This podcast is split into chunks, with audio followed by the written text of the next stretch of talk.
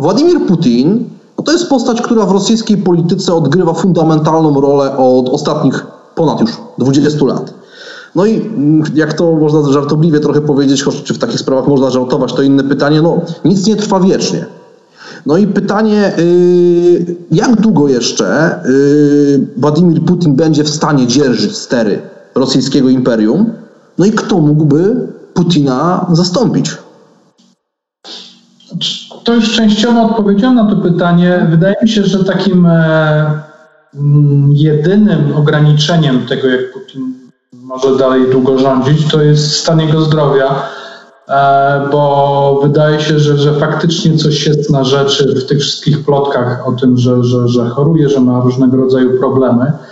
E, więc, więc to, to jest jedna rzecz. No druga, szczerze powiedziawszy, wydaje mi się, że on jednak do końca tej obecnej kadencji dotrwa. Natomiast mimo tego, że, że no, zmieniono konstytucję w takim kierunku, że mógłby ubiegać się o jeszcze kolejną kadencję, że jednak tutaj będzie chciał chyba powtórzyć troszkę manewr wykonany przez Borysa Jelcyna e, w 1999 roku, e, więc przekazać e, stery rządów komuś młodszemu. Oczywiście w zamian za, za pełne gwarancje bezpieczeństwa i pewnie nie tylko jego, ale też, też, też ludzi z nim związanych. To tak samo jak było w przypadku, w przypadku Jelcyna i Putina w 99. Oczywiście no Jelcyn już ta nowa władza, że tak nie ruszała Jelcyna jego interesów czy jego rodziny, natomiast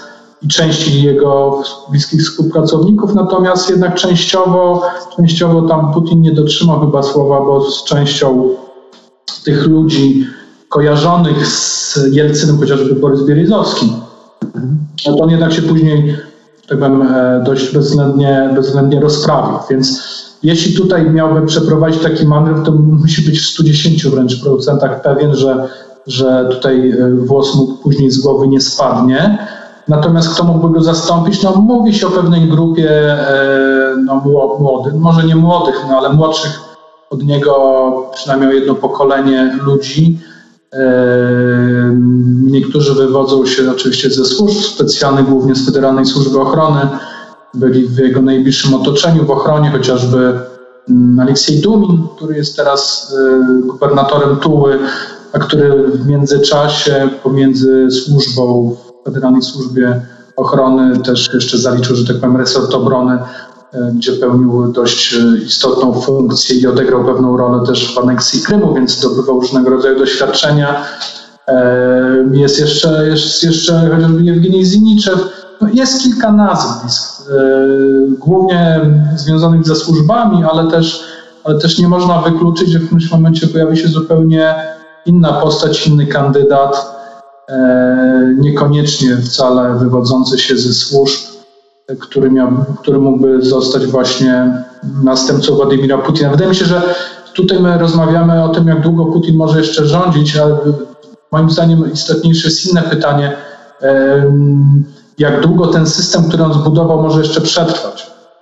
Bo to można wymienić powiedzmy kapitana okrętu, Natomiast jeśli ten okręt już przypomina taką starą, y, zmurszałą łajbę, no on w którymś momencie pójdzie na dno, więc, więc y, wymiana samego prezydenta to jest jedna rzecz, a druga pomysły na powiedzmy jakieś takie przeformatowanie tego, tego obecnego reżimu. Oczywiście to się może skończyć tak jak ze Związkiem Sowieckim.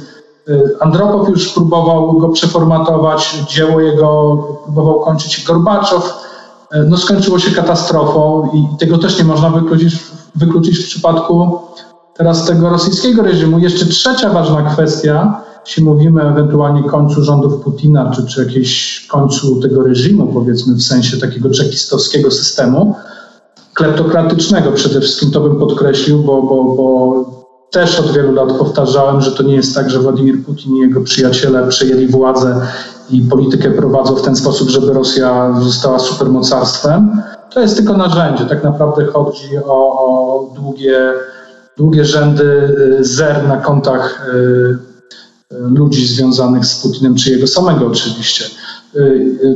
ta trzecia ważna kwestia to jest, czy i jak mogłaby się zmienić postawa Rosji wobec Zachodu i też może co ważniejsze, postawa tych głównych zachodnich graczy wobec Rosji. Bo ja się obawiam jednej rzeczy, że można wymienić Putina, e, wstawić kogoś bardziej, powiedzmy, wizerunkowo liberalnego, a który tak naprawdę nieszczególnie zmieni właściwie politykę rosyjską, która, która na jednak, moim zdaniem, jesteśmy skazani tu na wieczną rywalizację i, problemy z Rosją. Natomiast taka wymiana spowoduje, no, otworzy drogę do jakiegoś kolejnego, jeszcze głębszego resetu niż to było kiedyś. I wtedy, wtedy kiedy, jeśli Waszyngton, czy, czy Paryż, czy Berlin się dogadają z Moskwą, no to, to nie możemy mieć wątpliwości, że odbędzie się to głównie kosztem takich krajów jak chociażby Ukraina, czy, czy, czy, czy, czy Gruzja, ale też w jakiejś mierze jest to niebezpieczne dla, dla Polski, a jeszcze pewnie bardziej dla trzech e, krajów bałtyckich, więc, więc tego trochę się obawiam i, i pamiętam też pisałem tekst o Aleksieju Nawalnym, o jego poglądach, chociażby na politykę zagraniczną, bo o tym się mniej mówi. No, bo, bo mówię, tak jak wspomniałem, na Zachodzie już jest postrzegany jako bohater, który rzucił wyzwanie Putinowi, natomiast jego poglądy na, na politykę zagraniczną są dość ciekawe, bo on mówi, dla mnie głównym kryterium prowadzenia polityki zagranicznej to jest to, żeby Rosjanom żyło się lepiej. No. Można to i w ten sposób sformułować. E, mówi, że on by nie prowadził e, nie chciałbym utrzymywać sojuszu z takimi e, satrapami jak, e, nie wiem, Maduro w Wenezueli czy, czy Assad w Syrii. Um, ale dlaczego? Nie dlatego, że są jakimiś mordercami, czy że, czy, że prowadzą swój kraj na skraj zagłady jak, jak Maduro, czy, czy, czy, czy mordują swoich rodaków jak, jak Assad, ale dlatego, że to się finansowo nie opłaca, po prostu. On też mówi jeszcze jedna rzecz, jeśli chodzi o politykę zagraniczną, e, stosunek do innych krajów postsowieckich. On, on, to nie jest tak, że on mówi, to są suwerenne państwa, niech prowadzą własną swoją politykę. Nie, on też chce, żeby właśnie tutaj Moskwa e, wywierała jak największy wpływ, żeby, żeby one się dalej znajdowały w strefie wpływów rosyjskich, tylko oczywiście chciałby używać innych narzędzi, nie, nie siły czy korumpowania elit, tak jak to robi Putin, ale, ale w inny sposób, czyli powiedzmy taka soft power, atrakcyjna kultura, atrakcyjny system demokratyczny, bo oczywiście Nawalny mówi o tym, żeby w Rosji wprowadził prawdziwą demokrację. Nie wiem, no jeszcze kolejny przykład, no, pokazujący, pokazujący jak naprawdę e, niewiele wiemy o prawdziwych poglądach Nawalnego i jak naprawdę, naprawdę niewiele wiemy o tym, jak, jakby wyglądały jego potencjalne rządy. To jest na przykład kwestia stosunku jego, jego oceny relacji między centrum, czyli Moskwą, a podmiotami Federacji Rosyjskiej. Bo, bo jak wiemy, oczywiście Rosja to nie jest jakiś tam jednolity kraj zamieszkany głównie przez Rosjan, tylko to jest kilkadziesiąt różnych podmiotów, e, od, od muzułmańskich republik północno-kaukaskich po, po kraj chabarowski czy, czy po e, autonomiczny okręt niemiecki na północy, więc e, no, na, na, pytanie o to, jak, jakby on to rozwiązał, i to wywołało oczywiście niepokój, chociażby w Tatarstanie, to, to on powiedział, że on by przekazał więcej kompetencji z Moskwy do poszczególnych miast lub rejonów. Teoretycznie, oczywiście, czyli jest to decentralizacja. Oczywiście w pewnym sensie tak, tylko że on w tym momencie tak jakby omija te podstawowe podmioty Federacji Rosyjskiej, czyli te republiki chociażby narodowe, jak, jak Tatarstan chociażby, jak, jak, e, jak te wspomniane republiki z północnego Kaukazu, więc de facto on w ten sposób je osłabił osłabiłby władzę poszczególnych tych obszarów, więc ostatecznie to by wyszło, efekt byłby taki, że, że de facto ta, ten kraj byłby jeszcze bardziej scentralizowany, przynajmniej w sensie takim nieformalnym, ale na pewno faktycznym. Jeśli się osłabia poszczególne, no bo Federacja Rosyjska może ewentualnie pękać czy się rozpadać według tych linii podziałów, czy tam uchodów, prawda? Natomiast jeśli się osłabi te republiki, a przypomnę, że w latach 90. przecież Tatarstan naprawdę w pewnym momencie na poważnie mówił o ogłoszeniu niepodległości. Przypomnę Czeczenię, tak?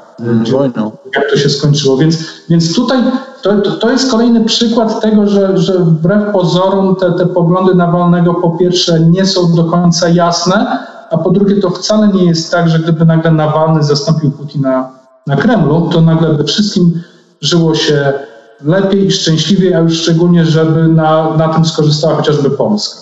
No i tutaj jakby pozwoli Pan i zarówno Państwo, że e, przerwę, bo myślę, że ten krótki, znaczy to krótkie pytanie, ale bardzo obszerna odpowiedź pana Grzegorza Kuczyńskiego, eksperta Fundacji Warsaw Institute, e, pokazuje, że rozważania, czy też próba symulacji tego, jaka jest przyszłość polityczna Władimira Putina, przede wszystkim tego systemu, który stworzył, jaką w tym rolę odegra Aleksiej Nawalny, są to e, obszary badań, obserwacji, które są bardzo ciekawe, dlatego tym bardziej e, zapraszamy do szerszej wersji rozmowy z naszym gościem.